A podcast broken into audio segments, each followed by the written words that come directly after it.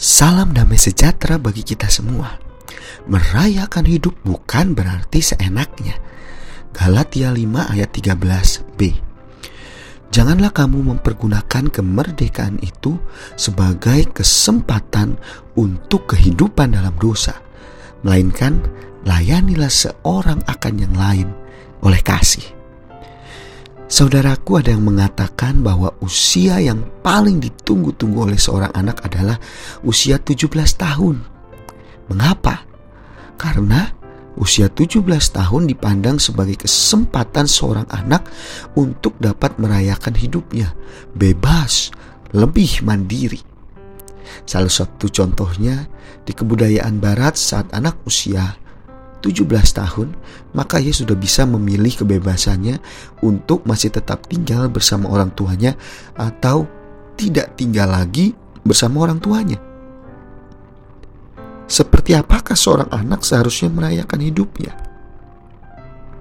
Apa arti dari merayakan hidup yang sebenarnya? Hampir seluruh manusia merindukan yang namanya merayakan hidup. Begitu juga dengan kita anak-anak Tuhan. Namun, tidak sedikit yang menyalah-artikan merayakan hidup ini dengan perbuatan yang seenaknya. Berbicara seenaknya, bersekutu seenaknya, bertindak seenaknya, berpikir seenaknya, dan yang lain sebagainya. Kita seharusnya dapat merayakan hidup ketika Yesus mau mati dan melepaskan belenggu dosa bagi setiap kita Galatia 5 ayat 13 mengingatkan kepada kita tentang bagaimana kita harus mempergunakan kebebasan kita. Merayakan hidup itu tidak apa-apa, namun kita juga harus melihat apakah cara kita merayakan hidup itu sudah benar atau baik untuk kehidupan atau belum. Merayakan hidup yang kita lakukan itu mengarah kepada dosa atau tidak. Saudaraku, Ingatlah selalu bahwa setiap kita boleh merayakan hidup karena memang kita sudah diberikan kebebasan oleh Tuhan. Namun janganlah pergunakan kebebasan itu dengan seenaknya.